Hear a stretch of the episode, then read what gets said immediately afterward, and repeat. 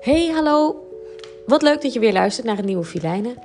Het is wel weer een beetje een pittige deze keer. Ehm, in de klas bij een van onze kinderen zit een jongetje. En dat jongetje heeft uh, geen moeder meer. Dus ik schreef hem een brief. Dag, lief, klein, bijzonder kind. Nog maar zo kort geleden was er niets aan de hand. Was jij net als al die anderen gewoon een jongetje uit de klas van mijn dochter? Een lief jongetje, een stiller jongetje, een aardig jongetje. En nu ben jij het jongetje.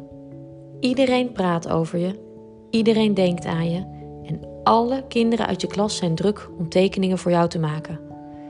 Die heb je nodig om je te troosten, om je een beetje af te leiden van het grote verdriet waar je nu in ondergedompeld wordt. Want ineens ben jij het jongetje zonder moeder. Ineens ben jij het jongetje dat nooit meer in de armen van zijn mama kan rennen als de schoolbel is gegaan. Voor jou alleen nog je lieve papa bij het hek. Jouw mama is gestorven zomaar, zonder reden. Niet omdat jij stout was, wat je eerst nog dacht.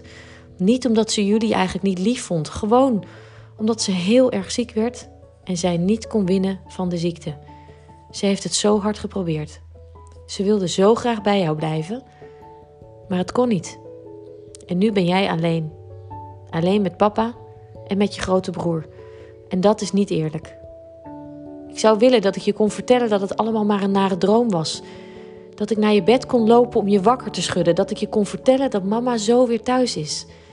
Dat ze alleen maar even uit moet rusten. Net als alle andere moeders. Ik kijk naar je terwijl je bij ons aan tafel zit. Je eet af en toe een avondje bij ons, dan kan papa even bezig met andere dingen. En terwijl je zit te eten, gaan mijn gedachten naar jouw moeder. Het is zo ontzettend oneerlijk. En zonder dat ik het wil, rolt er een dikke traan uit mijn ogen.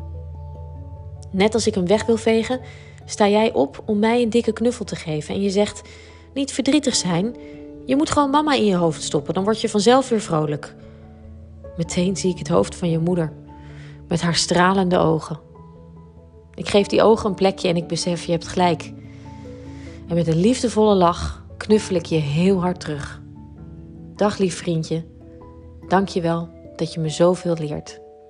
Liefs, mama Filijnen.